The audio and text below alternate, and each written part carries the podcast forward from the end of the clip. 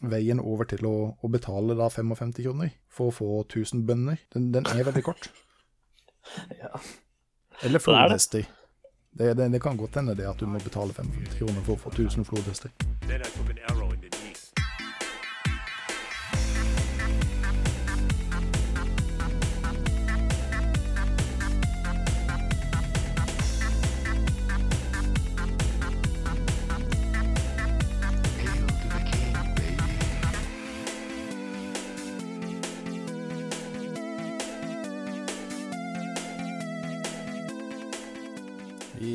Hallo alle sammen, og velkommen til Spill og chill podcast nummer to.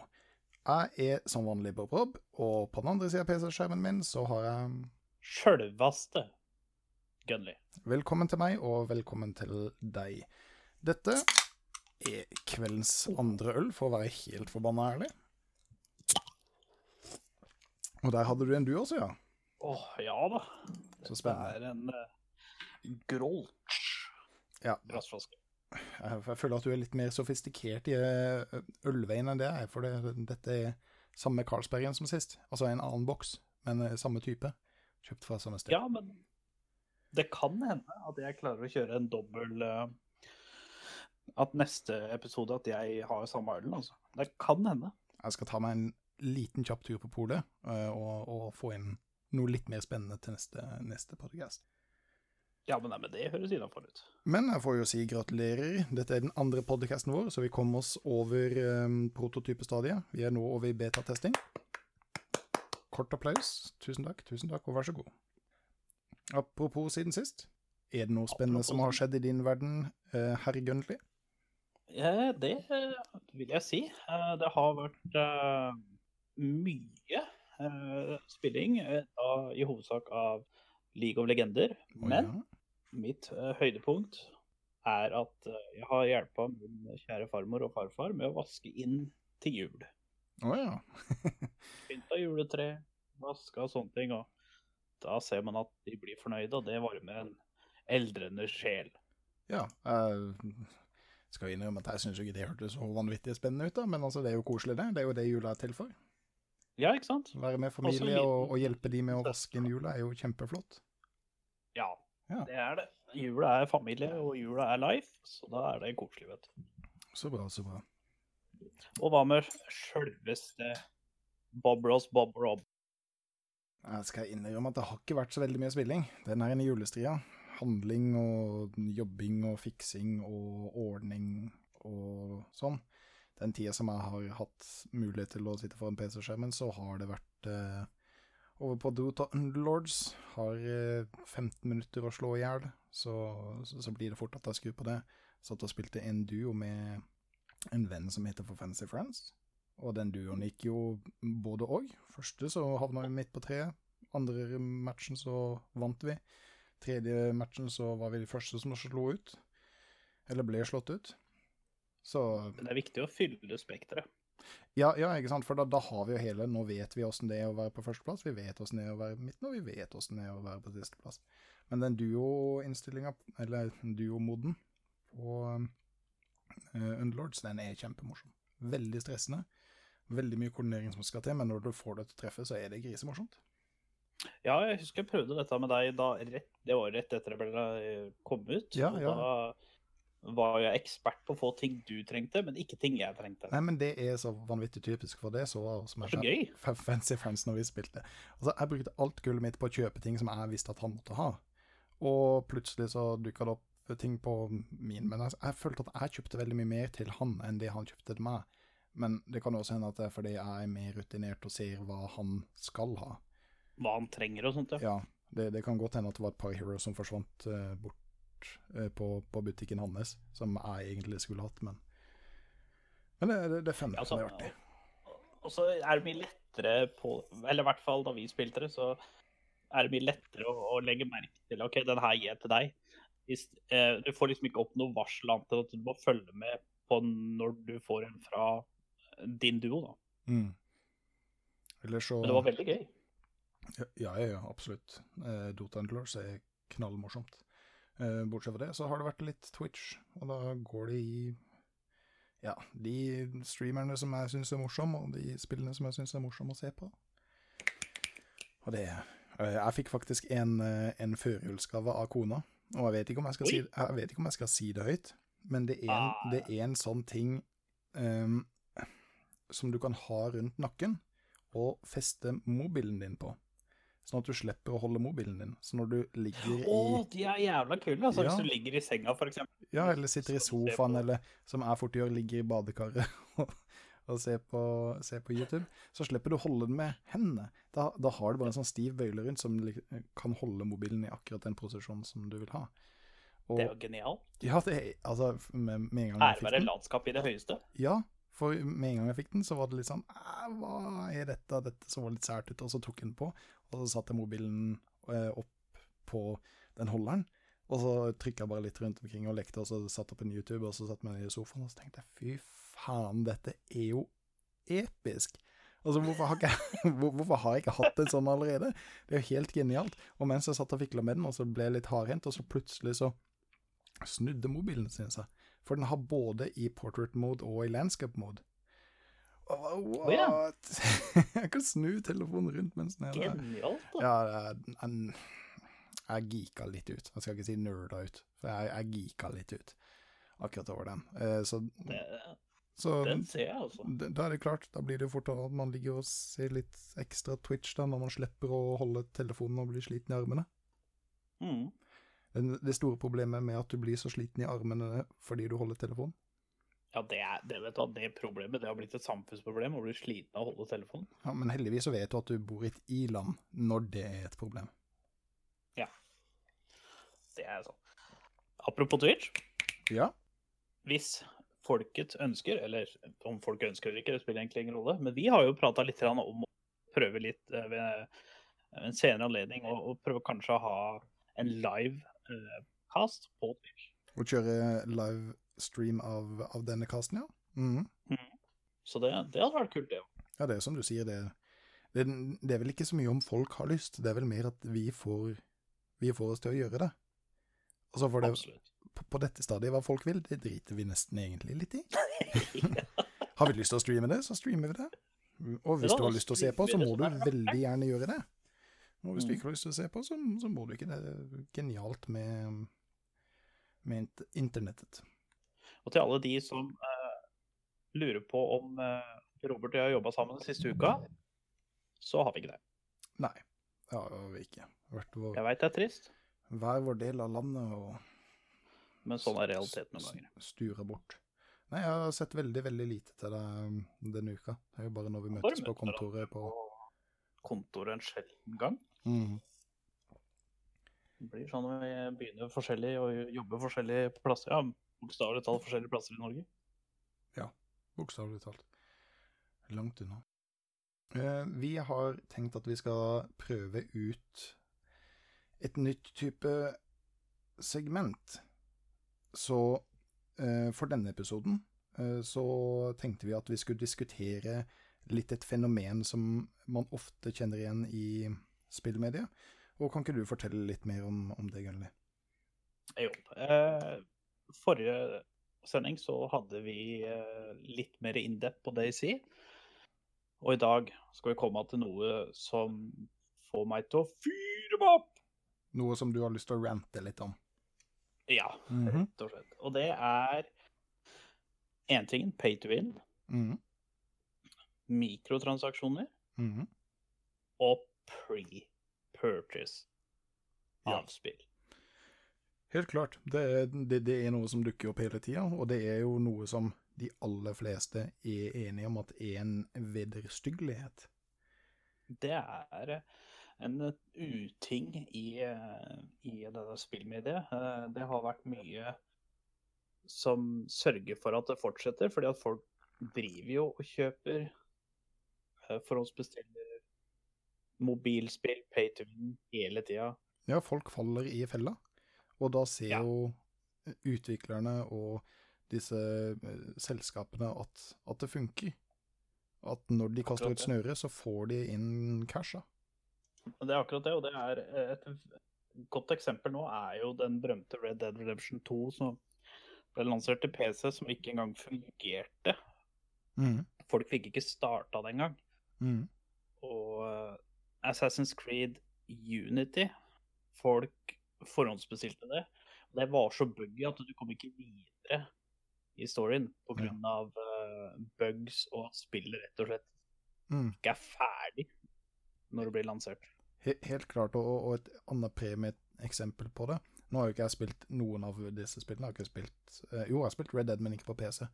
Eh, jeg har ikke spilt um, Var det Odyssey du sa for Assassins? Unity. Unityen. Ja, beklager. Eh, og så har du jo um, nå, nå sto det plutselig helt stille. Og det, En annen ting er jo Sånn som pay to win er jo Folk kjøper det veldig lett fordi du spiller et simulatorspill på mobilen eller et krigsspill på mobilen, mm. og så står det den bygningen her tar det 36 timer å oppgradere. Ja, ja, Men bruker du disse diamantene, ja. Da tar det fem minutter. Den fella, eh, fella har jeg falt i flere ganger sjøl. Altså, jeg, spiller et spill som jeg syns er morsomt, om det er på en måte en eh, sånn eh, bysimulator, eller om det er et adventure-spill, eller for den saks skyld zombie-apokalypsespill.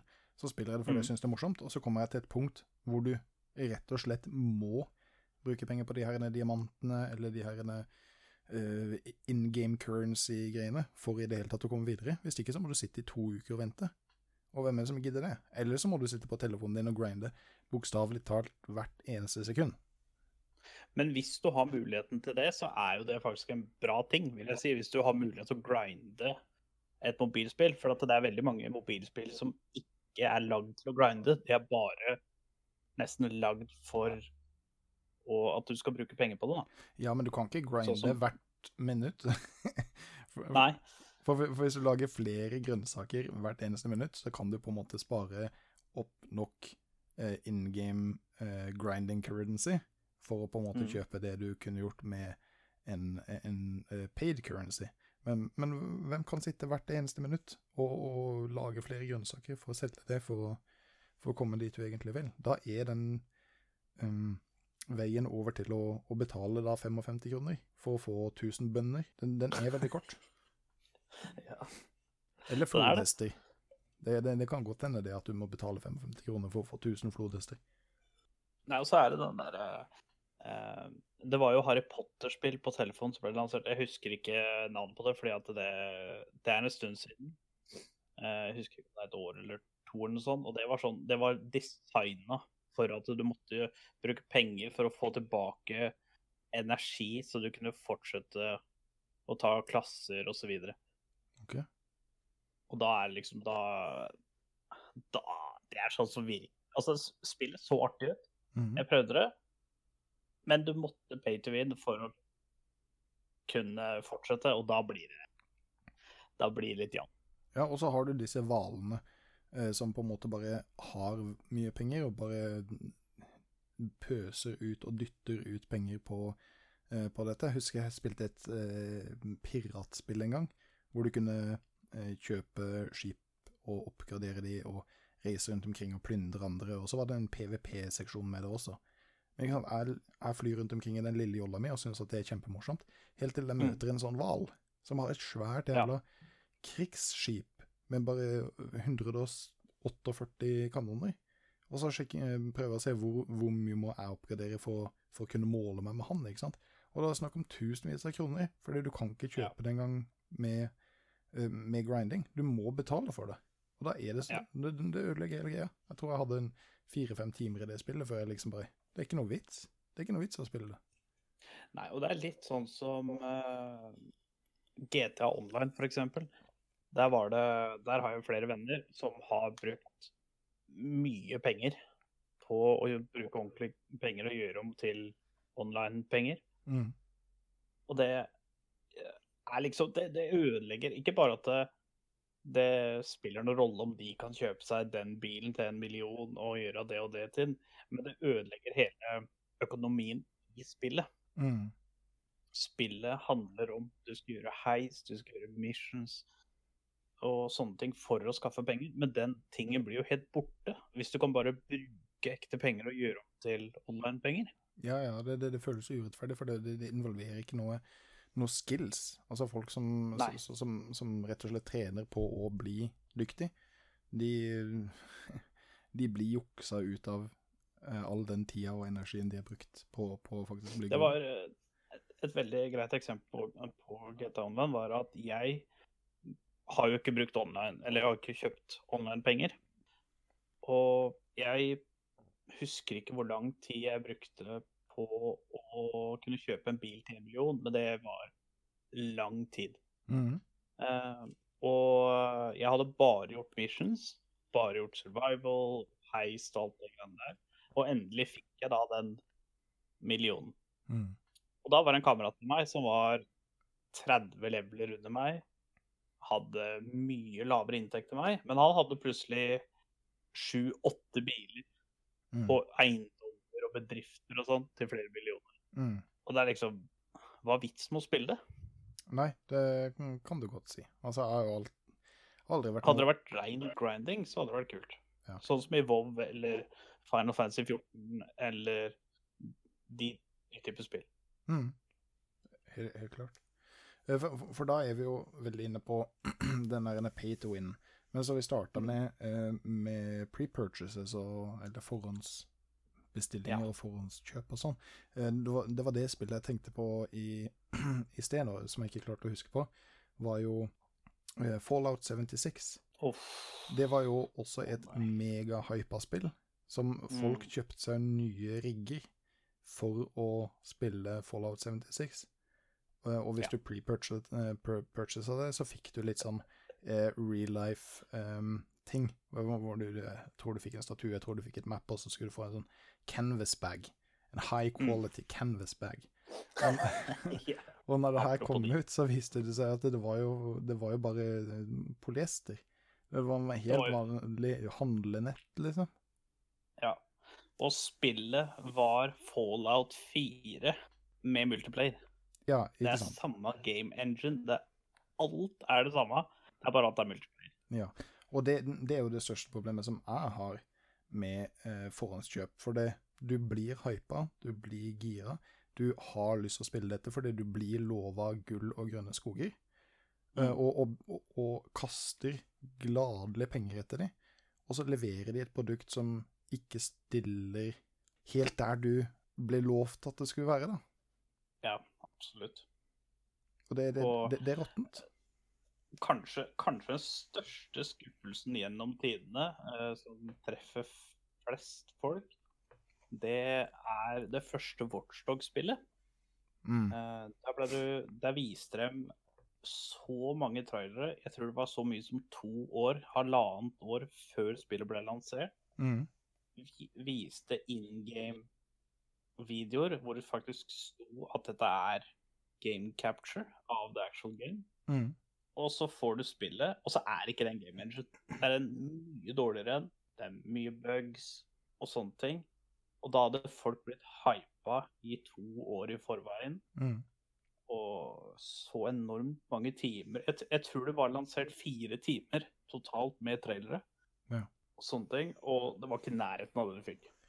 Men så har du den andre sida av, eh, av det også, fordi uh, Anthem er jo også et veldig typisk eksempel på hypa spill som har fått inn veldig mye penger på forhåndsbestillinger, og som ikke leverer uh, ved launch. Men jeg visste, jeg visste ikke at Anthem kom ut, jeg hadde ikke hørt noe spesielt om det, og jeg hadde ikke forhåndskjøpt det. Så når det kom, og jeg begynte å spille det, så likte jeg det.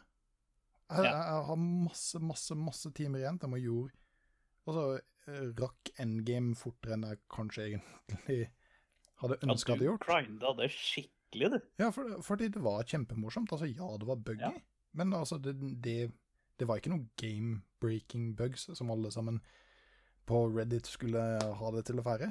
Og det var så mange som, som klagde over det, og, og liksom viste dette var det som var sagt på E3, og dette er sånn som det faktisk ser ut. Jeg var på den andre sida. Jeg, jeg, jeg, jeg visste ikke noe om dette spillet, og hadde ikke forhåndskjøpt det. Så jeg syntes at spillet var helt greit. Men alle de som hadde de forventningene, og betalt for de forventningene, de raga jo internett i stykker. Ja. Mm. Og det en annen ting som jeg ikke er uh, veldig stor fan av når det gjelder sånn pre-purchase og, og sånne ting, det er Ubisoft er vel kanskje det største flaggskipet på dette. Og det er Deluxe Edition, Gold Edition, Ultimate Edition. Og hva folk enn måtte kalle det. Eh, Red Dead Redemption 2 kommer jo også ut med samme format. Jeg er ikke veldig fan av det. Eh, spesielt sånn som med Assassin's Creed, så var det ett spill som kom ut, og da fikk du med en spesiell Assassins-drakt. Og den eneste måten å få med på den på, det var hvis du kjøpte Ultimate Edition. Mm. Og da Da syns jeg det begynner å bli litt Hvis du kan begynne å betale sånn 1200 kroner for et spill kun for å få med alt som du kan få med in game, så Mm. er det litt teit. Jo, det kan du si hvis det er teit, men det er en gang som jeg angrer skikkelig på at jeg ikke forhåndsbestilte et spill, og det var Skyrim. Fordi der hadde de faktisk en sykt kul statue av Alduin. Og jeg tror ikke det var liksom oppi Jeg tror ikke det var oppi tusenlappen, altså, men det var jo betydelig høyere enn 699, eller, eller hva det var. Men det var en fysisk ting. ja, ja, det var en fysisk ting. Ja, men nå snakker jeg kun om in game-ting, da. Okay, ja. ja. Eh, du ser det aldri igjen hvis du ikke spiller spillet. Men hvis du får med Jeg har fått med flere Assassin's Creed-figurer og sånn, og da skjønner jeg at du betaler for det. Mm, For da får du en fysisk ting. mm, Men in game-ting Det er ett spill jeg kan forsvare Gold Edition, Ultimate Edition og Deluxe Edition på, og det er Rainbow Six Siege. Forskjellen der Ja, er at ja. betaler du for å f.eks. kjøpe Ultimate Edition, da, mm.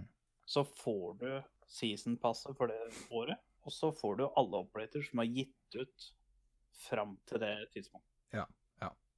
Det er, jeg er enig, men det er også fordi eh, Det er sikkert mange som vil være uenig med meg, men Siege er ganske balansert sånn. Altså Hvis du kjøper den grunnleggende pakka og får med fire operators, så kan du spille nesten hvilken som helst situasjon. Mm. Eh, men ja, det er kult, eller hadde vært kjekt, eller er kanskje mer meta å ha en annen operatør, som du hadde fått med med de andre. Men jeg kjøpte jo den grunnpakka, og, og har ikke spilt veldig mye Siege, men altså, jeg følte jo at jeg kunne fortsatt spille spillet, selv om jeg hadde valgt den, den grunnleggende pakka, og så grind dem opp til flere operators etter hvert. da. Ja, og så er det det som er litt uh, artig òg. Jeg kjøpte Jeg tror jeg kjøpte Deluxe Edition, som gjorde så at jeg fikk med Jeg tror det var var det seks operators på hver side. Altså seks attackers og seks defenders eller annet sånt. Mhm. Og da husker jeg det at da grinda jeg for at eh, Vet du hva, jeg har så lyst til å spille Ash. Ja. Jeg må kjøpe Ash. Mm. Jeg spilte så mye Rainbow Six Siege. Jeg- Ikke nødvendigvis for å vinne eller tape, men for å få æsj. Mm. Og da er liksom Jeg skjønner på en måte hvorfor du har da Gold Edition, for da kan du velge hvor mange operators du kan få. Eller du kan kjøpe den helt vanlige basic-versjonen, og du får med så og så mange basic operators. Mm. Og da er spillet spillbart. Ja. Du kan spille rank på det, og du kan uh, spille casual med det. Mm. Ja, det, er- det er en mye bedre forretningsmodell, for det er de som Mm. har utvikla spillet. Altså, jeg syns de fortjener penger for, for det de har gjort. Eh, så uh, hvis du er veldig gira på å ha alle operators og season passen og, og alt det der, så, så er det greit. Gå for en ultimate. Men er du litt som meg, for det var jo det var du som tvingte meg, eh, nesten ved, med fysisk makt, å bli med og spille Siege, for jeg hadde ikke noe spesielt troa på det. Eh, og, og kjøpte da en grunnleggende pakke og fikk mersmak og syntes at vet du hva, dette er kjempemorsomt. Det er et spill som du kan hoppe inn i ti minutter, et spill som du kan sitte og spille hele dagen. Uh, og, og da var det veldig greit for meg å, å, å ikke trenge å betale en, en, en premium for å i det hele tatt få lov å være med og spille det. Mm. Syns jo Det er eh, Det var skikkelig kult at du kjøpte det.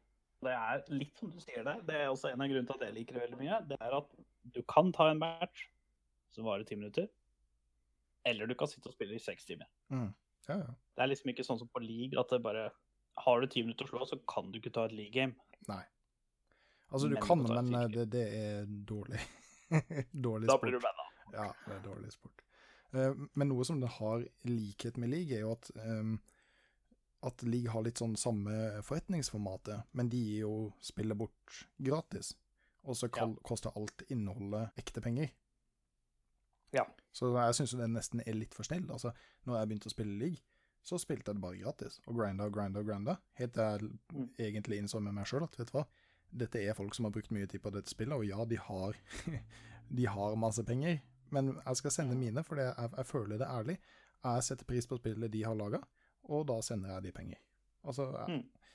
så, så, så jeg syns de kanskje kjører på en veldig snill forretningsmodell, men det er jo også kanskje en av grunnene til at det er såpass mange som fortsatt spiller det, Ja, og, og det- som, som Og nye det er jo derfor Fortnite ble populært òg.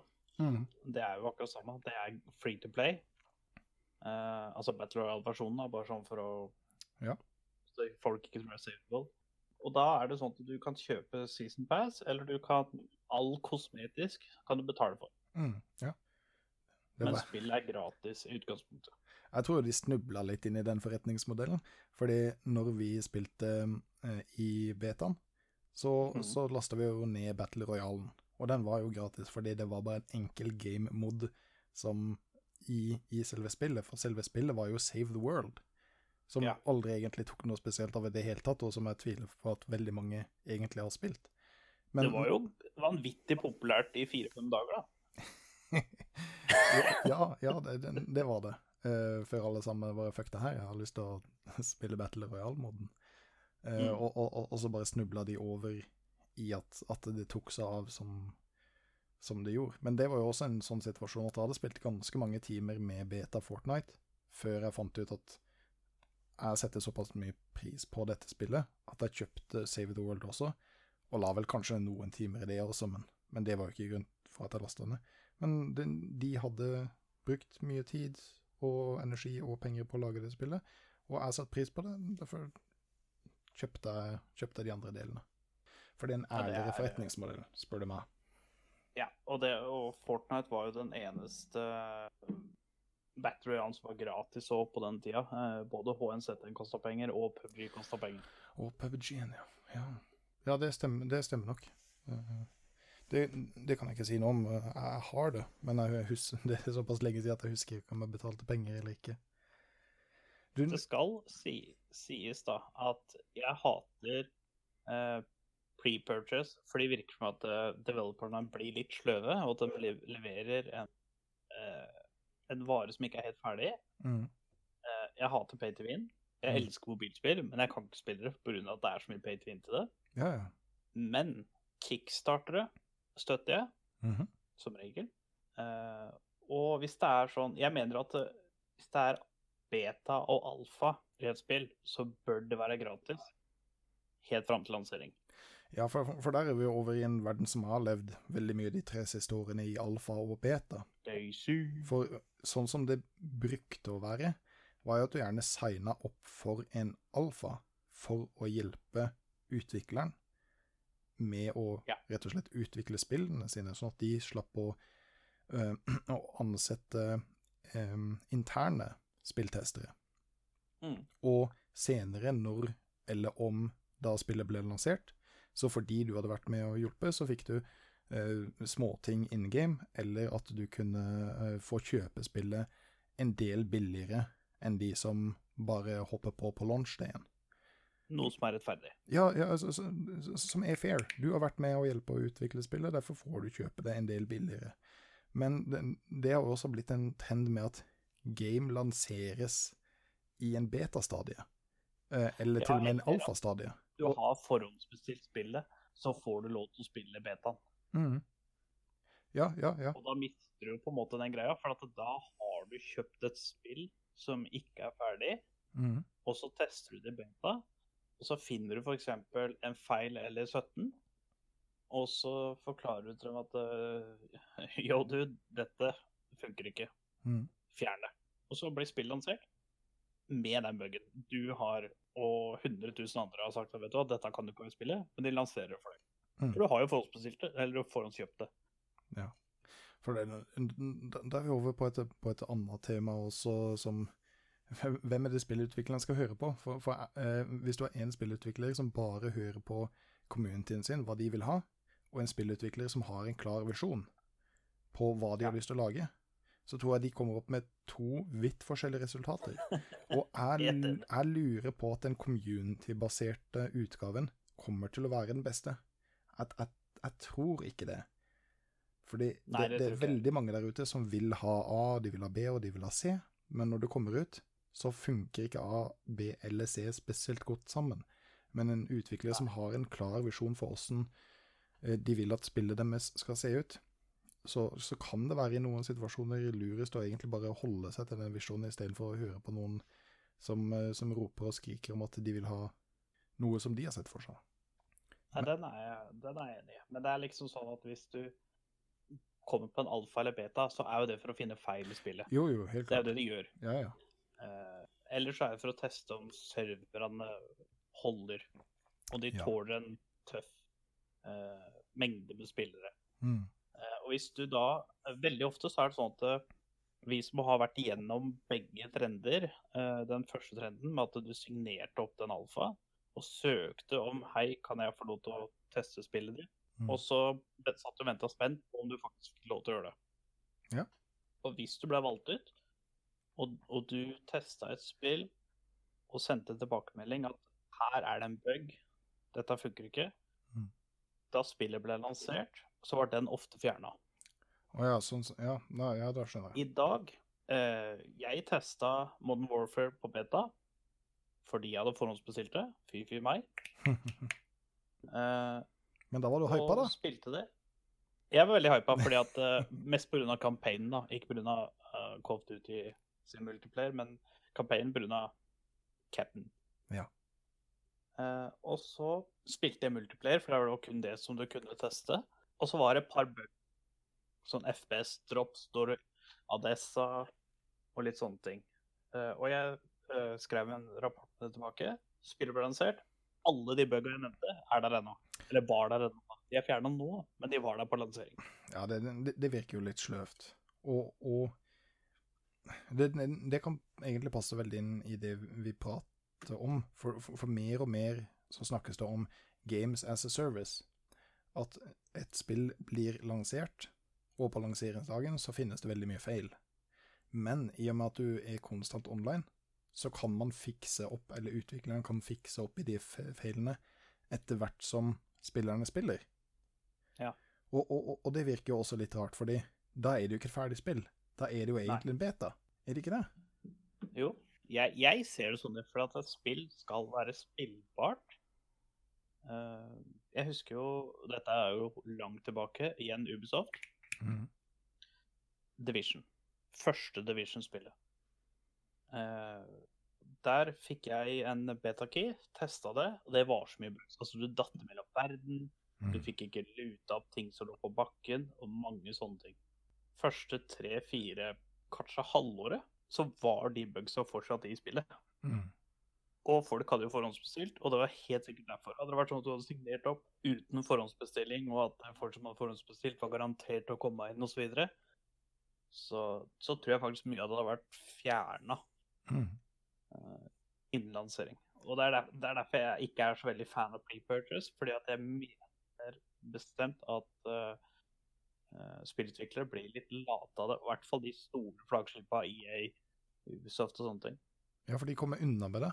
Samme som Skyrim også, når de lanserte på Xbox. Altså, porten til Xbox var jo broken. Etter Mm. at du hadde spilt så og så mange timer og luta så og så mye items, så, så- ble jo spillet ditt rett og slett ødelagt før de kunne komme ut med en, en patch for å fikse det. Se for deg at det hadde skjedd for ti år siden, at et spill hadde kommet ut, og folk rett og slett kunne ikke spille det etter så og så lang tid, fordi det var en, en kritisk bug i spillet som gjorde at du ikke kunne fikse det. De måtte jo relansert og øh, Ja, ja. fått ut nye cartridges og, og øh, CD-er og, og fullt sånn. Men, men nå slipper de unna med det, fordi de kan bare komme med en day 1 eller øh, week 1-patch, og, så- og, og så løser det seg. Og det er en ukultur. Ja, det, det er det. Altså, jeg forstår at spillet er veldig mye større og mye mer innvikla nå enn det er før, men det er litt sånn rush for å få det ut, og så ja ja, men vi kan fikse det senere. Og ikke sant, når du har gått ned den veien, da, så, så, så er det jo kundene dine, de som er betalt av penger, som får lide for det. Fordi du har valgt å ta en litt eh, en liten snarvei. Ja. Og det, det tror jeg vi kan være, være enige om. Derfor liker jeg beta før. Eh, beta og alfaperioder og, og early access, fordi da får du spillet, og du vet at dette er ikke en komplett representasjon av hvordan dette spillet skal være, men hvis du har lyst, så får du gjerne lov til å spille det. Og det syns jeg er morsomt. Da er det greit med bugs. Da er det greit med feil. Da er det greit Ja. med utsatt um, uh, launch eh, day. Altså Daisy Jeg tror aldri det spillet kommer til å bli launcha. Det, det kommer til å være en, en fullblods beta med en active community ja, i, i ti år til, for det kommer aldri til å bli releasa. Um, og vet du hva, det er greit. Jeg elsker Daisy. Jeg spiller masse, masse, Ja. masse masse, masse timer og storkoser meg og har det kjempeartig sammen med eh, kompiser og randoms. Og da er det greit, men hvis de hadde kommet ut for fem år siden og sagt at dette er et ferdig spill, men vi skal love å, å rette på de feilene som dukker opp de neste ti årene, så, så, så hadde det vært en litt annen historie for min del. i hvert fall. Ja, det er helt enig. Men mm. jeg ser på bli blikkja vår Ja. at det er en stor nyhet som har poppa. Ja. Og det rører, det rører i hvert fall hjertet mitt veldig mye, eh, av eh, jeg er en sånn dude. Men Per Robert, Ja. Xbox Series X Ja. Senere din. Da, da, kjenner jeg med en gang at det kommer til å gå nye 37 minutter på dette. Ja, kjør på. For det jeg hørte jo um, om Series X, den nye Xbox-konsollen, for et par dager siden. Mm. Og, og det, For det første, kjempeflott uh, at det kommer en ny Xbox. Men det er jo en PC. Til og med når du ser over Specs-sheetsa på hva denne Series X-en inneholder, så er det jo PC-komponenter. Den ser jo til og med ut som en PC. Det er jo en fire... Også PlayStation 5 sine. Ja, ikke sant? Men det, det som Jeg, jeg, jeg syns det er litt morsomt, og så syns jeg det er vanvittig flott gjort av Microsoft. For Mm. de siste årene så har jo Microsoft kjøpt opp veldig mange små spillselskaper til sitt eget team, for å Mm. ha en, en del utviklere i bakhånd som er med å, å, å, å utvikle spill for, uh, for Xbox-plattformen. Og med at du har den, Det kan jo sikkert du si litt mer om denne kompatibiliteten mellom eh, PC-biblioteket ditt og Xbox-biblioteket. For slik som jeg forstår det, så hvis du har et spill på Xbox eller på PC, så kan du spille det motsatt og vice versa. Kan du ikke det? Jo, eh, målet deres er å få til det, og det er jo også en del av tingen til Xbox Series X. At der, der skal en prøve å få til det fullverdig. At kjøper du enten et Xbox-spill eller eh, et PC-spill eh, Fra Windows. Jeg vil anta at det er med Microsoft, Ja. så skal du kunne spille det på begge plattformer. Ja, jeg sier Windows, jeg mener Microsoft. Beklager så mye. Ja, nei, eh, og så eh, Nå er det litt sånn. Det er flere spill du kan spille, sånn som f.eks. Ark. er et veldig populært spill blant eh, Ja. folk som liker den sjangeren. Mhm, Og den kan du spille både på PC, eller du kan spille på Xbox. mhm. Og samme med Gears, Gears of War 5 og sånne ting. Kan du spille på PC, samme som med Xbox. Ja, og utviklerne til Rust Nå husker jeg ikke hva Ja. de heter. Eh, De er jo også blitt kjøpt opp av Microsoft. Mm. Så det jeg ser for meg Altså, Jeg syns jo dette er egentlig en større nyhet enn f.eks. Google Stadia, som er streamingplattformen. Ja. For, for, for det skulle liksom revolusjonere åssen du spiller spill. Men jeg, Men det gjør det til en viss grad på en annen måte. ja, men jeg tror at For der trenger du ikke spill. Nei, det, det, det er klart. Men det, det er en del teknologiske ting de må, må komme over. Jeg syns Xbox X Series X er mer her og nå. Fordi du har en Xbox, og du har en PC. Eller kanskje du ikke har råd til en PC, og har bare en Xbox. Eller så har du masse penger, kjøper en PC, og kompisen din har en Xbox. Altså, alt sammen eh, ender opp i en sånn eh, Hva det prøver å si? En, en sånn synergi med, at, Ja. med, med, med crossplayen eh, Mm. og, og, og PC-en. Jeg kommer aldri til å forlate PC-en min uansett hva de kommer til å lansere, men det at andre venner av meg, eh, bekjente og, og, og sånn har mulighet til å spille med meg, selv om vi er på to forskjellige plattformer, i og med at Xbox Exterior egentlig bare er en PC, det er en ferdig bygd PC, som er, er putta inn i en liten sort boks.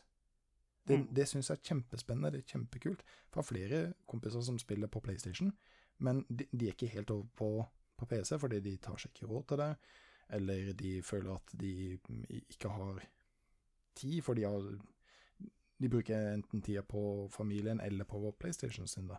Men hadde de hatt en Xbox, så hadde ikke det hatt noe å si, for vi kunne spille like mye sammen uansett. Ja. Jeg har jo Xbox One X nå, som er den sterkeste konsollen på markedet mm. akkurat nå. Ehm, og, og så har du da konkurrenten PlayStation 4, som er, er ikke den, Det er ikke den beste konsollen i forhold til raw performance, men er kanskje den beste konsollen med tanke på eksklusive spill. Det, det, det, det er jo den største, for det er den, den, den mest solgte og den mest omfattende eh, spillbiblioteket, og den som har flest spillere. Så det, det er den største plattformen. Det er det. Men det er ikke det største med tanke på hva Xbox og Microsoft gjør. Nei. Ikke med det de holder på med nå, nei. For det, det, Nei. det, kommer til å ta av. Det tror jeg kommer til å ta av, og det er veldig artig, fordi jeg har jo flere venner på Xboxen. Jeg, ja, jeg har jo nevnt at jeg har jo Xbox sjøl, og jeg spiller jo med mange av de Jeg spiller sikkert mye av det samme spillet. Jeg har på PC, spiller jeg på Xbox One, fordi vennene mine har det spillet på Xbox, men ikke på PC. Mm. Eller de har ikke en gaming-PC. Mm. Og da blir det veldig ålreit nå at jeg kan faktisk spille fra min PC med de på Xboxen. Akkurat samme spillet. Ja, det, det er jo så fantastisk. Det handler jo om å, å oppleve sammen, knyte folk sammen, og, og la folk ha muligheten til å, til å velge den plattformen de vil, uavhengig av hvem de har lyst til å spille med. Mm. For, for nå er det jo sånn at, at du må velge å spille sammen med de som har det samme systemet, eller samme konsollen, eller så, som du har. Ja. Men det er jo det Microsoft prøver å fjerne, og jeg syns det er genialt. Jeg syns det er beundringsverdig. Jeg syns det er fantastisk. Ja, det er jo det. Det er jo revolusjonerende. Og hvis du da også klarer å Eh. utvikle et spillbibliotek som, eh, som er interessant å spille sammen, så, så, så har de jo skutt gullfuglen. Da har de oppskriften. Jeg gleder meg som en unge. Jeg har så mange Siege-venner både på PC og Xbox. Mhm. Jeg gleder meg så fælt at jeg kan spille med de når de spiller på Xbox og jeg spiller på PC. Mhm. Og, Det skal bli enormt artig. Og nå har jo, altså, sånn som Modern Warfare for eksempel nå, da, det er jo crossplay. Så om du spiller på PlayStation, Xbox eller PC, spiller Mm. ingen rolle, for de spiller sammen. mm. Men, men det, det er jo spillet som bestemmer. Her er det jo, Ja. Her er det jo eh, plattformen som gjør det Mm. mulig. Nei, det blir, det blir en fantastisk tid. Og eh, til de som lurer eh, De har vært litt kryptiske på lanseringsdatoen, men det står Holidays 2020. Mm. Og det vil da si fra halloween til jul. Ja, I og med at det er halloween er jo en holiday i statene. Thanksgiving er en holiday i statene, og Ja. Christmas er en holiday i statene. Ja, det, det, det, det er klart, altså, har du noe som helst forretning sånn, så er det rundt omkring de tidene der som du lanserer noe sånt. Oktober-november er gullalder. så kommer Black Friday rett etterpå, og Cyber Monday. Mm. Ja. Og julegavehandel. Ikke det at du får noe spesielt billigere, men det er klart det kan jo hende at kronene sitter litt løsere i lommeboken. Halv skatt og bonuser, det gjør ofte susen.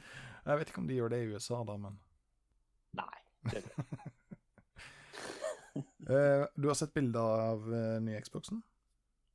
vet du hva? Jeg så på det først, og jeg tenkte bare What?! Ja. Det der er jo stygt! ja det, det... Altså, nå sier jeg ikke at hesteskoen til PlayStation 5 er noe bedre, for den er nei, de, de, de har gått for to helt klare forskjellige designvalg.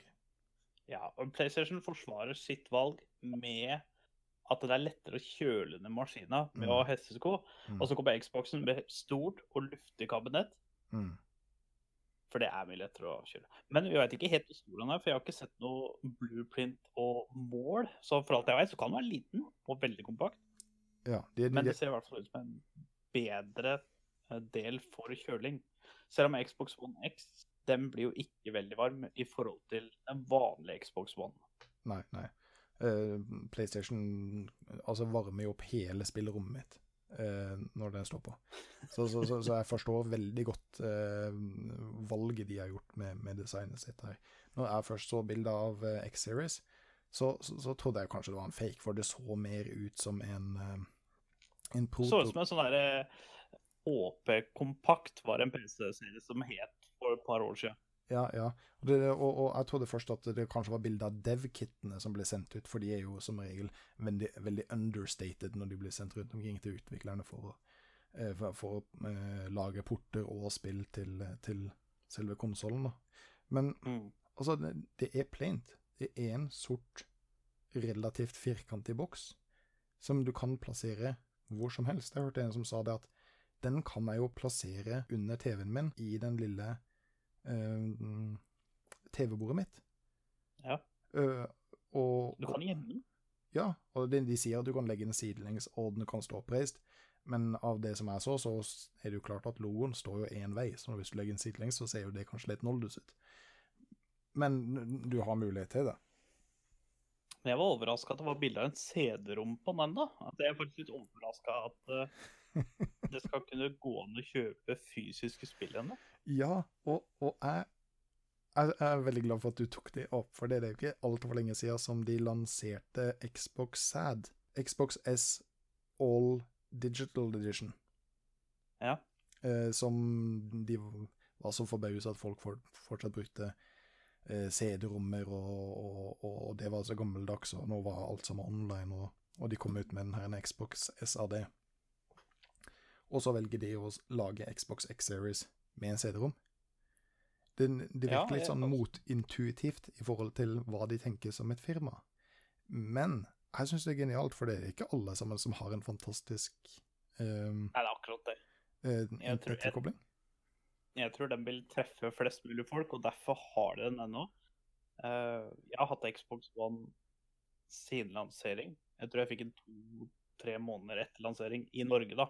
Mm. Eh, han kom jo til England mye før osv., bla, bla, bla. Men jeg har én fysisk spill til det, og det er Assassin's Creed Unity. Mm, ja. Og siden den så er alle spillene mine er digitale. Ja. Mye av at det er Games with Gold, at du får rabatter, og det er mange gratisspill. Du får jo er det to gratisspill i måneden osv. Men ja.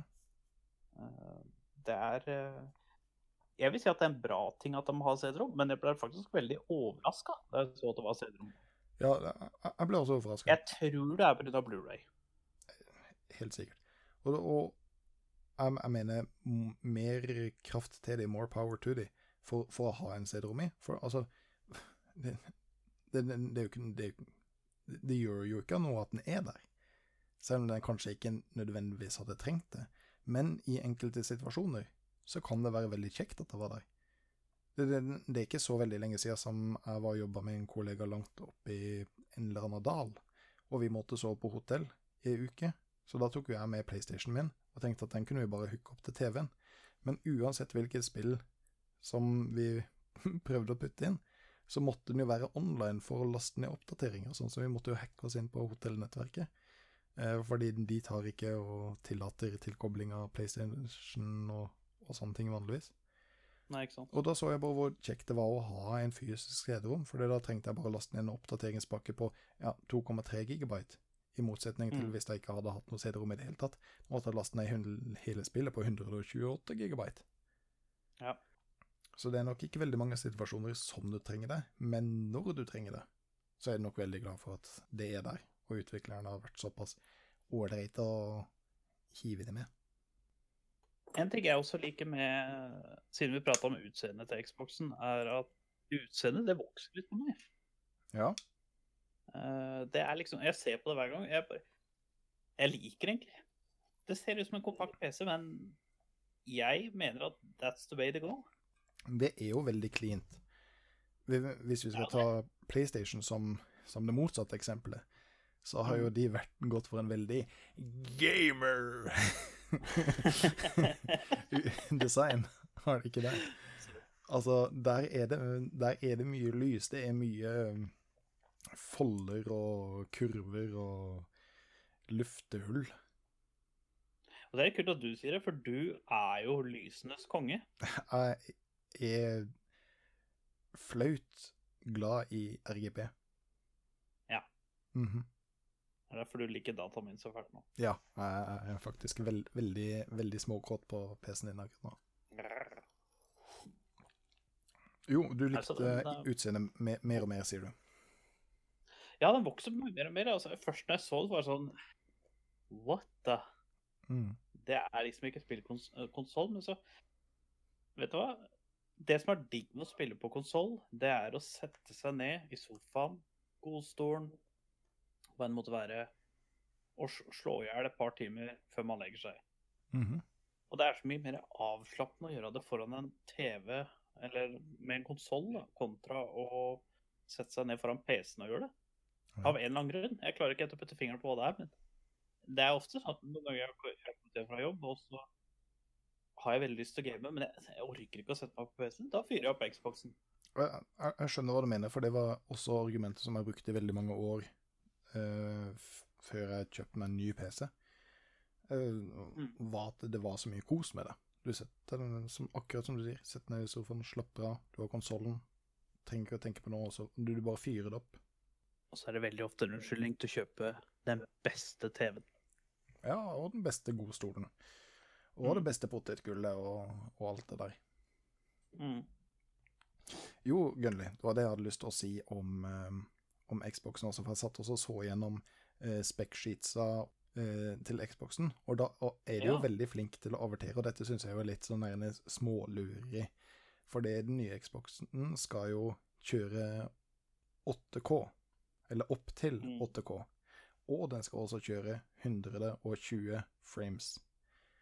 Yes. Og det høres jo helt vanvittig ut å kjøre 8K på 120 frames, for det klarer ikke PC-en min, Mhm. Om jeg så hadde prøvd. Men det de glemmer å si, da Det er da ikke det som er eh, Det er vel ikke 8 på 120 frames? Det er vel litt med valgmuligheter å gjøre, er det ikke det? Jo, det er akkurat det. For, for det er det det står 8K opp til 120 frames. Men de mener 8K, men da får du kanskje ikke mer enn 15 frames. Og de sier 120 frames. men Da er jeg ganske sikker på at du kjører det i 1080. Ja. Og, og, og det Altså, jeg, jeg skjønner det, du skjønner det, og sikkert de aller fleste skjønner det. Men når det er skrevet på den måten, så syns jeg allikevel at det er litt sånn Litt sånn småfrekt. Ja, medie- eller presseansvarlig i Microsoft burde nok kanskje ha drikke en god kopp te istedenfor en dårlig pappvin, tror jeg, under lansering. Ja, men jeg, jeg, jeg Jeg mener at PlayStation 5 Nå kan jeg bli arrestert for å huske feil, for det er såpass lenge siden, men eh, jeg mener å huske at de sa at du kunne spille opp 4K, men det var 60 FPS. Mm. Eller du kunne på en måte uh, spille 80 FPS på vanlig resolution. Ja, Altså, 60 FPS på 4K, hvis det stemmer, så er jo det i utgangspunktet ganske imponerende. Jeg er ikke helt sikker på hvorfor du ville valgt å gjøre det, istedenfor å ha de extra frames og spille en normal resolution på en helt normal TV. Men Nei, det er imponerende hvis de får det til, da. Det kommer jo litt an på type spill. da. Ja, ja, ja. Eh, Spiller du f.eks. bilspill, så er det jo veldig dumt å ofre FPS framfor 8K. Samme eh, first person shooter og sånne ting òg, så er det veldig dumt å, å ofre frames mot grafikk. Ja, ja, ja. Men spiller du Hello Kitty Adventure, hvorfor ikke spille det i 8K?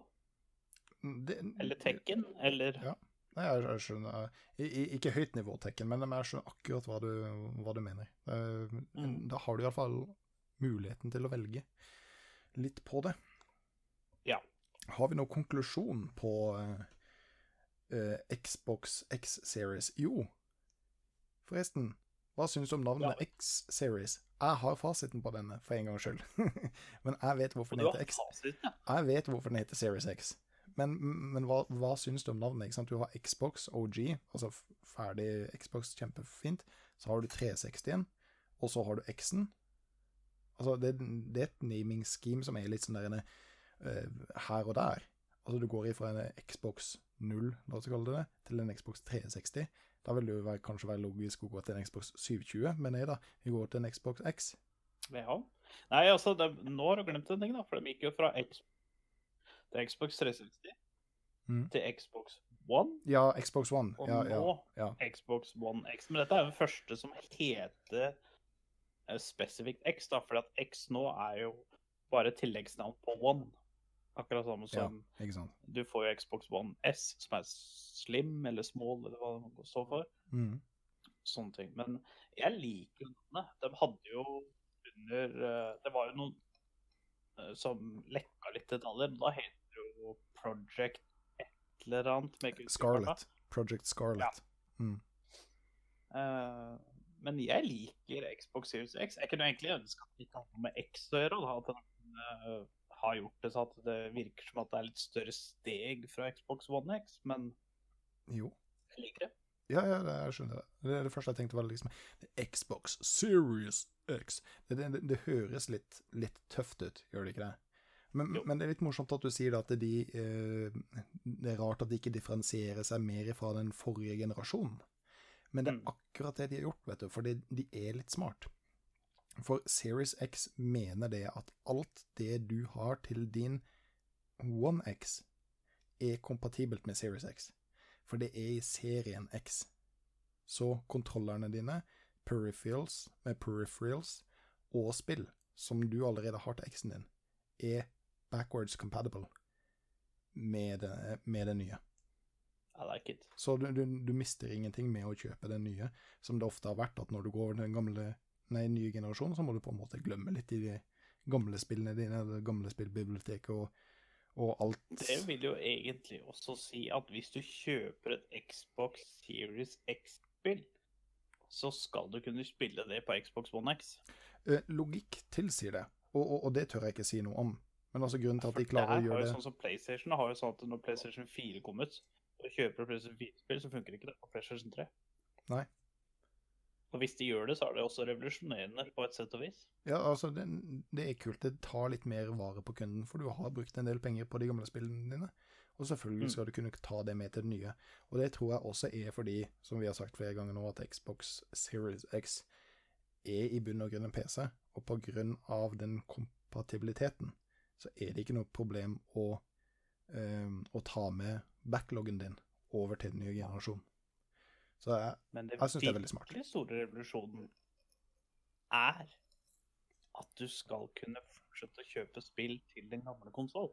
ja, ja, ja. Så hvis du har en Xbox One X, så skal du kunne kjøpe Xbox Series X-spill, og da skal det fungere på Xbox One X. Hvis du får til det Mm. Altså, jeg skal kjøpe kontrollen uansett, og de får pengene mine, og jeg skal ha et bilde på veggen og med gullramme og alt, men klarer de det, da er jeg imponert. Ja, det, det, det, hadde vært, det hadde vært veldig, veldig, veldig kult. Så hva, hva skal vi si som en konklusjon Jeg skal kjøpe den, på, pre, take my money, på pre-order? let it happen. Du skal pre-order den. Nei! ja, altså Konsoll er et annerledes spill. så Konsoll har du lov til å preordre. Okay. Jeg er veldig hypa. Uh, jeg tror ikke jeg kommer til å preordre, for at jeg pleier ikke å preordre noe. Men kanskje. Kanskje. Kanskje. Jeg skal ha den. Og jeg kommer til å få den uh, innen eh, 2020. Amen. Amen. Da tenker jeg at du kan få lov å fortelle oss litt om eh, League of Legends, for der har jeg fått med meg at det er noe som skjer. Jeg har Ja, League of Legends, jeg har spilt League of Legends, men jeg er jo langt ifra så inne i det som du er. Så, så, så kan ikke du fortelle oss litt om hva som, uh, hva som skjer der?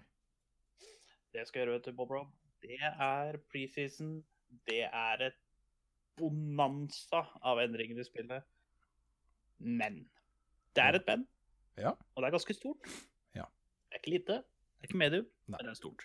Ja. Og League of Legends de pleier å sere eh, noen champions eh, i løpet av året. I snitt så har det vært sånn fem-seks champions i året. Mhm. I år så har det så langt, før preseason begynte Preseason begynte i november. Ja. Så har Silas kommet ut. Mhm. En Yumi har kommet ut. Kiana har kommet ut. Og jeg tror det var uka før preseason begynte, eller så var det sånn akkurat til det preseason-patchen til preseason, så kom Senna. Ja, men da teller jeg fem på fingrene mine. Ja. Eh, og, og, og da snakker vi pre-season. Ja, eller det kom tre ut i, eh, i vanlig sesongen, mens det fortsatt var den vanlige sesongen. Mhm. Og så Senna, den fjerde, kom ut Jeg husker ikke om det var uka før preseason begynte, eller om det var i patchen preseason begynte. Ok. Og da kom jo Den dagen hun ble lansert, så kom det annonsering om at en ny marksman skulle komme ut. ok. Aphelius. Og da er vi på Eh. nummer seks. Er vi, det er nummer fem. Oi, det er nummer OK, sorry. Jeg mista Ja, litt telling. Men den har også kommet da ut i preseason. Mhm. Eh, og hvis jeg eh, sier Afilius feil, så beklager til alle grekere som hører på. Ja, det er mange av de. Men eh, når han kom ut, så ble det jaggu annonsert enda en ny champion som heter Seth. S-E-T-T. Okay. Og han er Seth the Boss. Okay. Han er liksom the legend. Okay. Men det er et stort men her, og jeg er alltid Altså, jeg er den personen som syns det er ålreit når det kommer en ny champion. Jeg syns det kunne holdt på kanskje tre året, fordi at nå er vi oppe i 147. Sett blir nummer 148. yeah. Pokémon som kommer ut. Mhm. Og eh, altså når én champion kommer ut, så endrer meta seg ganske så mye. Fordi at du kan bygge ny komp rundt den champion. Den, den champion trenger de og de for å fungere best, ja, ja. etc., etc. Men når det kommer tre stykker på tre måneders mellomrom, eller ikke det engang, det er liksom ti uker, da er det Det er litt mye. Det, Litt det, virker som at Riot er liksom bare Oi, vi har bare lansert tre champions. For å følge statsen vår, så må vi spytte ut tre til. ja, det, det, det føles jo veldig, veldig tett på hverandre, da. Det er altfor tett. Ja. Men det er, Det er greit at det er, det er, greit det er preseason, og de bruker det som unnskyldning at folk skal teste ut nye ting og sånne ting, men det er altfor mye. Med map-endringene, drageendringene, alle item seg, og så i tillegg skal du få tre champions oppå det hele. Og to av de championsa kommer ut er på samme lane. ok. Da begynner det å bli dritt. Ja, for, for det er jo som du sier, det endrer jo metaen litt. Det, altså Først når det kommer ut, når folk prøver å finne ut hvordan man skal spille eh, den champen, og så i perioden etterpå, eh, hvor man eh, prøver å få den champen inn i en, eh, den, den current metaen. Men når du kommer så tett inntil hverandre, så må det være, bare være rabalder. Det må jo bare være surr. Ja, det, det, blir en sånn vanvittig fiesta. Mhm. Og League har jo hatt eh, Det er lenge siden League har lansert en champion som er broken from the get-go. Ja. Det som pleier å skje, er at uh, de, de lanserer en champion, og folk spiller den veldig mye, men de spiller den feil. Mm. Så at den får veldig lav vinn-prosent, og så tar de og bøffer den. Så folk Ja. som spiller den feil, faktisk klarer å vinne med den selv om de spiller den feil. Ja, ikke sant. Og så blir den superbroken fordi at folk bare Nei, vet du. Det er sånn, sånn er det egentlig å spille. Ja, ja, ikke sant. Og da er den allerede bøffa, og så eh, må det jo komme en nerf-kanon snart. Ja, Og da er det ofte at de kan nerfe champion to the ground. da. Mm. Eh, sånn som en eh, champion som kom ut, Den første champion som kom ut i år, det var Silas.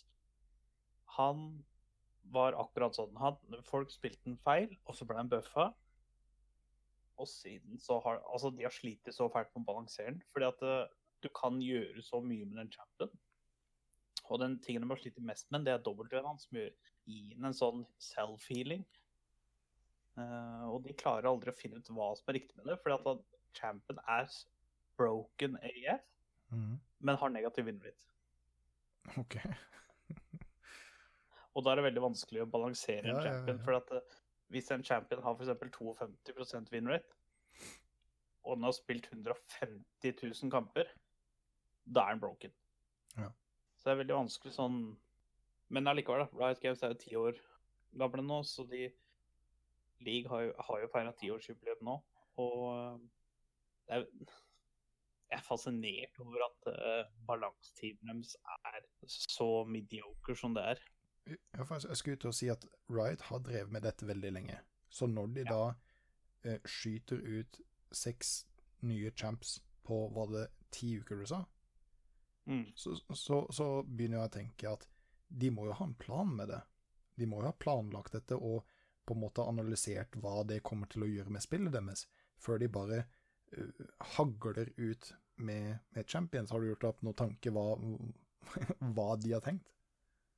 Altså, dette er jo noe de kommer til å gjøre for å forme neste sesong. eh, siden de gjør det i preseason. Altså, det er en grunn til at de gjør det nå, og ikke mens det var sesong. Mm. For da hadde det jo vært eh, krise. Da hadde det jo vært eh, sjuk i huet, for å si det rett ut.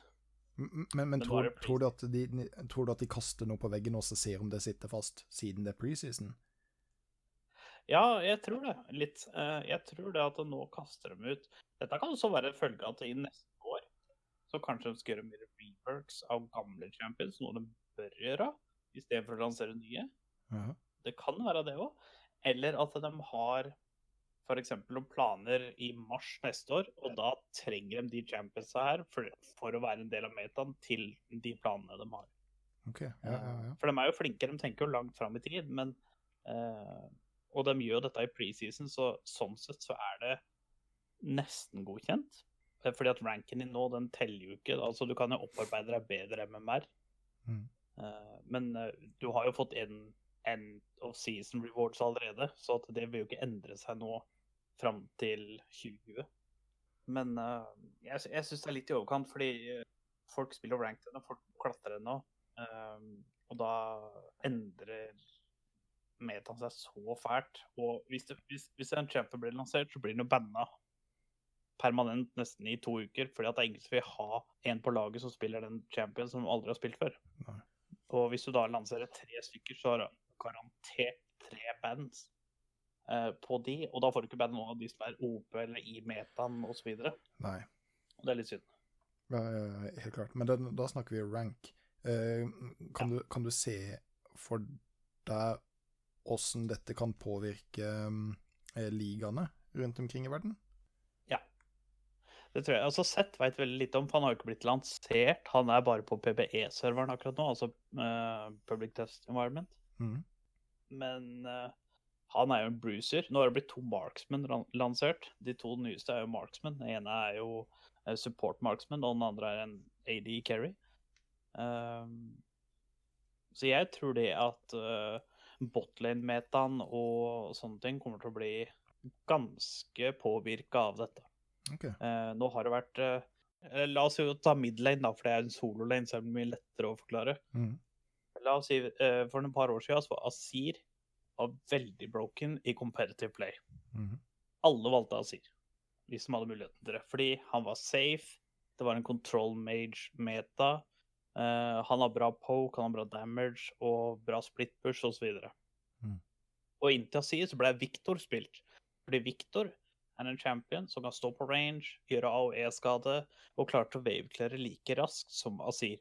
Så hvis Asir ble valgt, så valgte motstanderen eh, Victor. Og det visste alle profesjonelle lag, og eh, i kus var det sånn hele tida. Altså, Asir blir jo ikke spilt Eller du er dum hvis du spiller Asir eh, og du er under diamond rank, f.eks., for, eksempel, for da kan du fysisk ikke spille champion fordi at den er såpass avansert. Mm. Du kan spille den, men du kan liksom ikke spille den til Riktig. sitt potensial, da. Nei.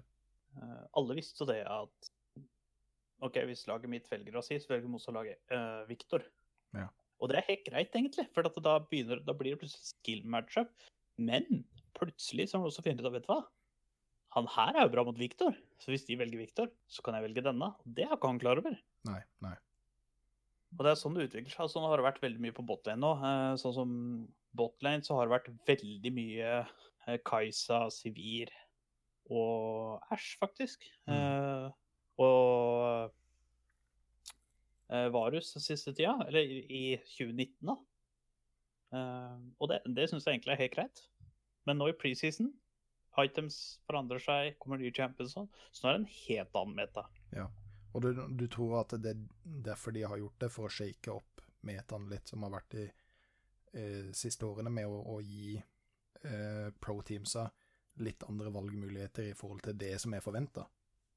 Ja, jeg, jeg, tror det, jeg tror eneste grunn til at de gir ut nye champions nå, er for å gi dybde i spillet. Ja. Selv om jeg mener at de heller burde ha reworka eh, For at det som skjer, er at de spytter ut mye champions, og så blir de gamle glemt.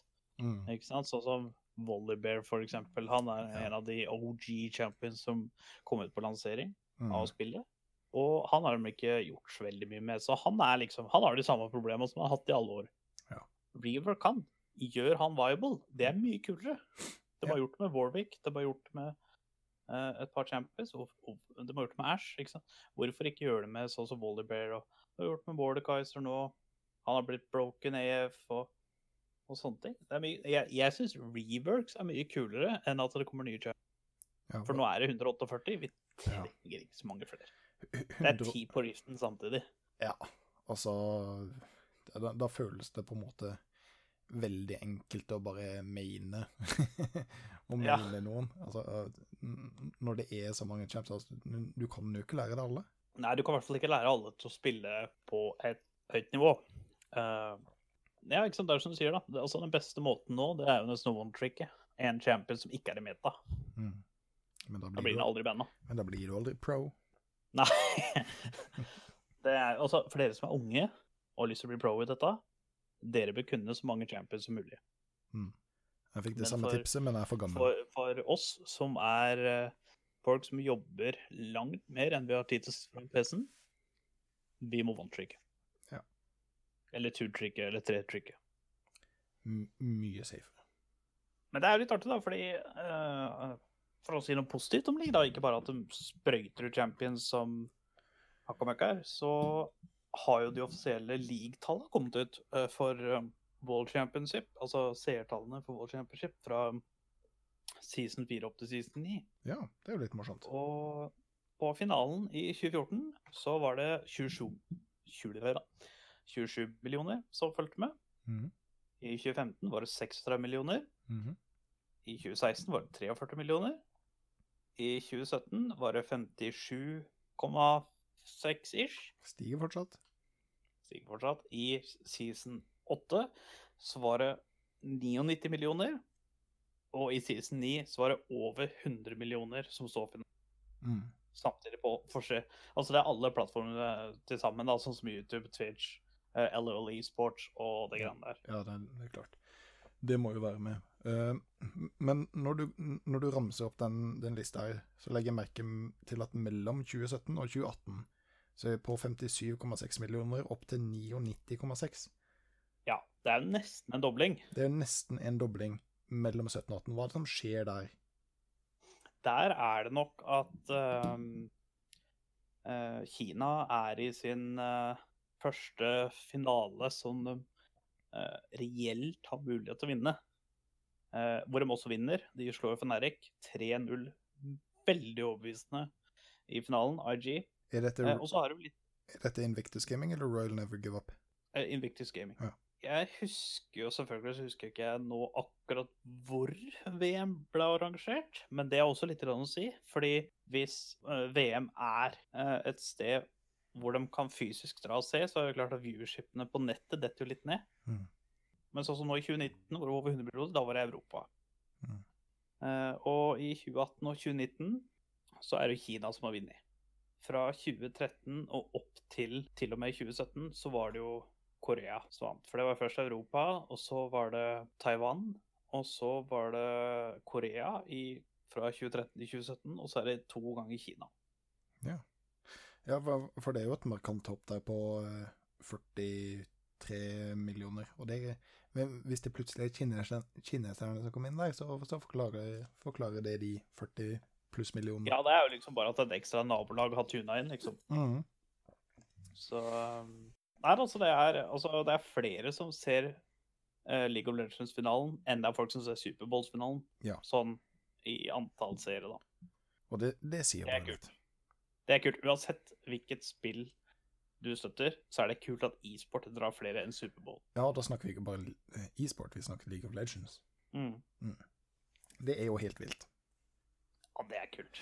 det, Det er, det er kult. enormt. Det er, det er morsomt at de kan vise det såpass uh, høye tall på et såpass gammelt spill. Men, så du Ja, det er jo ti år. ja, du kan jo kritisere de en del for mye rart de gjør, men altså det, det er jo tydelig at de har en plan med at de har Ja, den her riktig gjør stigen. det, i hvert fall. Ja.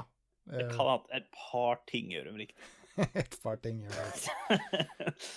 altså, av 100 ting så gjør de 99 feil, men én ting gjør dem riktig, og det er Altså, det appellerer.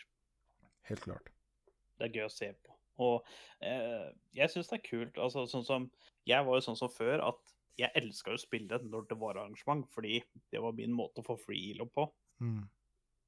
Men jeg har sett hver eneste competitive game siden 2013, da LCS begynte. Og jeg, jeg klarer ikke å spille mens det går lenger, fordi jeg må få med alt. Ja, ja, ja. Ja, det, er- det er liksom my drug, da. Enhver mann må ha en last. Det er helt riktig. Men du, Robert, Ja. vi nærmer oss kanskje min beste spillhøytid, Påske? nemlig jula. Å Og ja, romjula. ja, ja, ja. Jula, ja. Og da er det jo eh, det- blir jo litt tid for, for gaming i, i romjula. Har du lagt noen Har du, har du funnet noen hidden gems, eller har du noen planer for, for den spilljulen som dukker opp? Nå er det jo nå er det jo, når vi blir, spiller det, inn denne episoden, så er det i uke 51. Mhm. Det er siste offisielle arbeidsuka vår, i hvert fall, ja. for dette tiåret. Mm. Og det vil si at da har du uke 52, ja. som er siste offisielle gaminguka i dette tiåret. ja. Det må jo være noe på tapetet. Altså, jeg har alt på tapetet. Um, retweeta ifra Rune i Level Up. Ja, han hadde funnet en ganske morsom, la oss kalle det et dikt. Shout-out level up. Ja, Charlotte Level Up. Eh, han hadde litt morsomt eh, dikt om eh, alle spillene som han gjerne skulle spilt før 2019 var ferdig, og plutselig så er jo 2019 ferdig. Um, nei, jeg, skal spille spill som jeg koser meg med. Gode, gamle klassikere. Dype spill som jeg kan sitte og game hele dagen, hvis jeg får lov av kona. Så det er vel ikke det at jeg har så mange planer, men jeg har veldig mye håp for, Ja. for jula og romjula. Jeg tror jeg skal snike til meg de timene som jeg, som, som jeg kan, vi er ferdig med julemat og julefrokoster og familiebesøk og alt sånt der tull som man gjerne da må være med på, for hvis ikke så blir man sett på som en dårlig person. Det er viktig å holde freden i huset, i hvert fall. Ja, så, så, så lenge vi klarer å holde freden i huset, så skal jeg nå klare å få logga noen, eh, noen timer. Og da, og da blir det bare ting som, som jeg syns er koselig og morsomt. Jeg hadde veldig lyst til å fyre opp Settlers 3 fra 1998. For det er et Oh, spill som fortsatt old holder. Ja, jeg har nerda det spillet så vanvittig mye. Um, hørte på en annen podcast hvor de snakka om hvilke spill ifra ifra ungdomstida som du kunne mappe på utenat. Mm. Og jeg tror jeg kan alle de eh, offisielle mapsene til Settlers utenat. Eh, du kan sende ut geologer for å finne ut hvor du skal mine forskjellige mineraler. Jeg sendte ikke ut geologer le- lenger, for jeg visste hvor det spåna. Det var bare liksom å starte å bygge eh, gold mine akkurat på det stedet som jeg visste. Så det, det kan hende at jeg skal sitte og kose meg en del med jula. Å, det er vakkert. Og vi snakka jo litt om dette forrige gang, Gunnli, men har du, har du noen oppdateringer på eh, lista di? Og vet du hva, nå har det begynt uh, en event, uh, som jeg selvfølgelig ikke husker navnet på, uh, på League of Legends. Men jeg syns det er veldig gøy at de har sånne eventer. Det er eventer som du kan skaffe deg masse tokens, så du kan veksle inn i skins, eller Mm. eh, hva det enn måtte være. De eventsa Eh. bruker jo å være ganske morsomme. Ja, de er veldig morsomme, og det er liksom du, du får, Det er sånne missions, ikke sant. Så får du Mm. tolv tokens her, og du får tolv tokens der, eh, og litt sånne ting. Og jeg syns jo det er veldig artig, fordi jeg har jo en bråta med, med Smurf-accounts og sånne ting. Og jeg synes det er veldig Det er en perfekt mulighet for å skaffe sånn som gratis skins osv. på de, da. Ja. Så jeg kommer til å spille skiten ut av league. uh, eh, i romjula. Men jeg må jo fortsette på Assassin's Creed Odyssey. Jeg begynte på det forrige jul. jeg er ikke ferdig med det ennå. Uh, men jeg har lyst til å bli ferdig med det, og så har jeg faktisk lyst til å gi en ikke en anmeldelse, men en, uh, en anmeldelse på det spillet. Så jeg, jeg tror det er de to, to tinga der jeg kommer til å uh, bruke mest tid på jula. Og så skal jeg jo på nyttårsland. Å ja, tøft, tøft. Vi skal, sitte, vi skal jo sitte inne og se på rakettene bli fyrt opp fra gamingstolen. Så det gjorde vi i fjor. Det skal vi gjøre i år. Og da spilte vi veldig mye league, så det var uh, veldig, veldig artig. Den, det høres ut som min type måte å feire nyttår på. Åh, det er så deilig. Og så Ja. Grandis i peisen, holdt jeg på å si. Ikke peisen med dommen. Uh, og eh, ja, et par bayere og bare sitte og spille med, med gode kompiser. Selv om vi ikke spiller samme spillet, så er det liksom Det er kult. Altså, det er bare samværet av å spille spill. Uh, tenk hvor kult det hadde vært hvis du hadde vært der og vi hadde spilt Rainbow Six Siege. Liksom. Det hadde vært legende, så hadde de to andre spilt League eller Hello Kitty Adventure eller hva det måtte være. Det, det, det er noe eget med et land. Det er, en, eh, det er en egen stemning over det.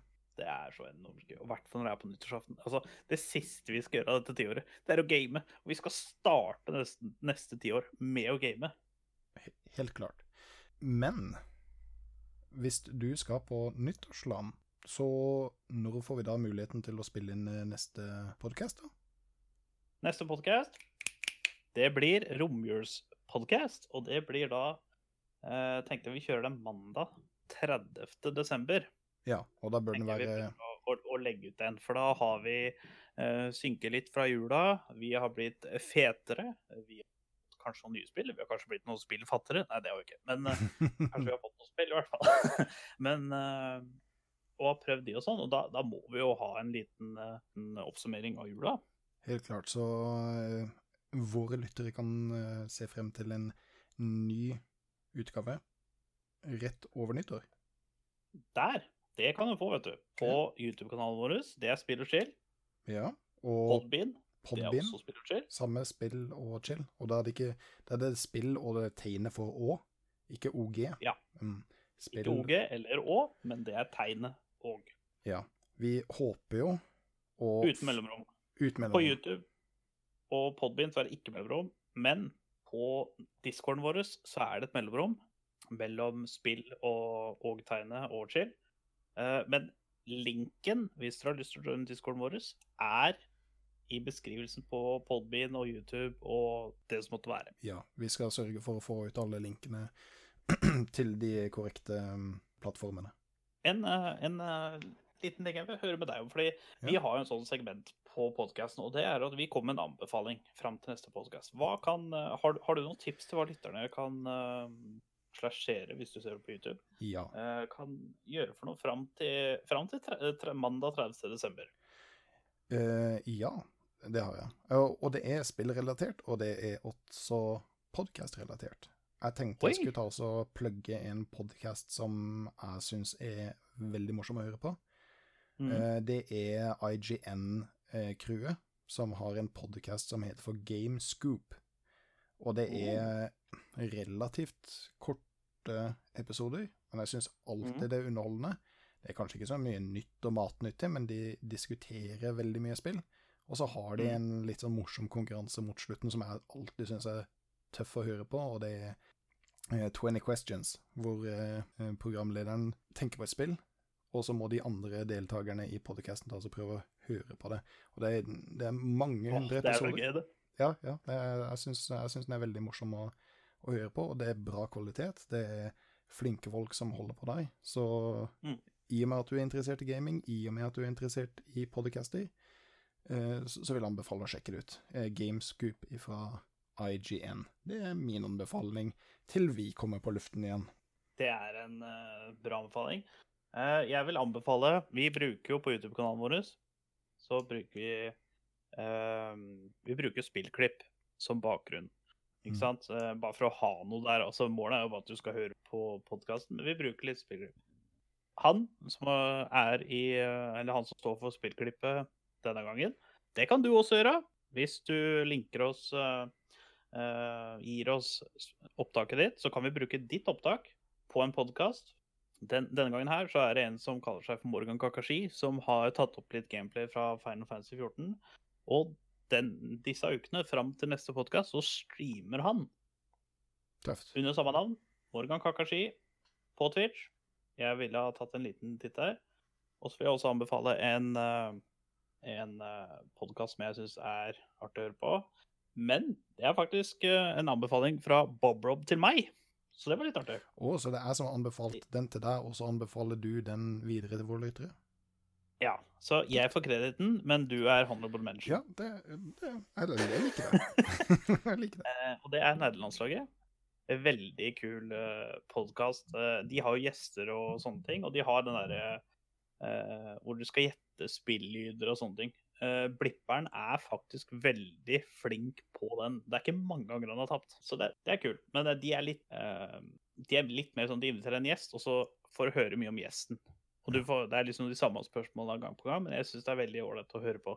Og de kommer ut med nye episoder Er det tirsdag eller onsdag? Det, det Eh, husker jeg ikke. Det husker jeg ikke, det får jeg bare opp eh, på, på feeden min. Eh, Det er jo faktisk også et eh, poeng i forhold til eh, Morgan Kakishi. Eh, Hvis du blir med og joiner discorden vår, så vil du jo få notifications når eh, både jeg, Gunnli og eh, f.eks. Morgan streamer. Mm, det er jo absolutt. Og vi vil gjerne ha med deres gameplay på YouTube-kanalen vår, så gjerne abonner slash subscribe til den kanalen. Eh, og hvis du har noe gameplay, det spiller ingen rolle åssen spill er, så lenge det inneholder innafor YouTube sine retningslinjer. Så vil vi, så vil vi gjerne ha de. Har du et spillklipp på 80 minutter, gjerne del det med oss. Og vi vil kanskje bruke den i uh, en fremtidig podkast senere. Ja, tøft. Uh, har vi noe mer å nevne da, herr Gunnli? Da vil jeg bare ønske alle kjære lytterne våre en riktig god jul på, ver- på vegne av Spill og Chill. Vi gleder oss til å høre fra dere og gi dere informasjon om åssen julen vårt har vært 30. desember. Kjempeflott. Eh, Kan du, Gunnli, for våre lyttere si en setning som aldri noen gang blitt sagt før? Sier du potet, så sier jeg rattkjelke. Kjempeflott. Og med det så takker vi for oss, og så snakkes vi over nyttår. Hei, hei! You're good, kid. But as long as I'm around,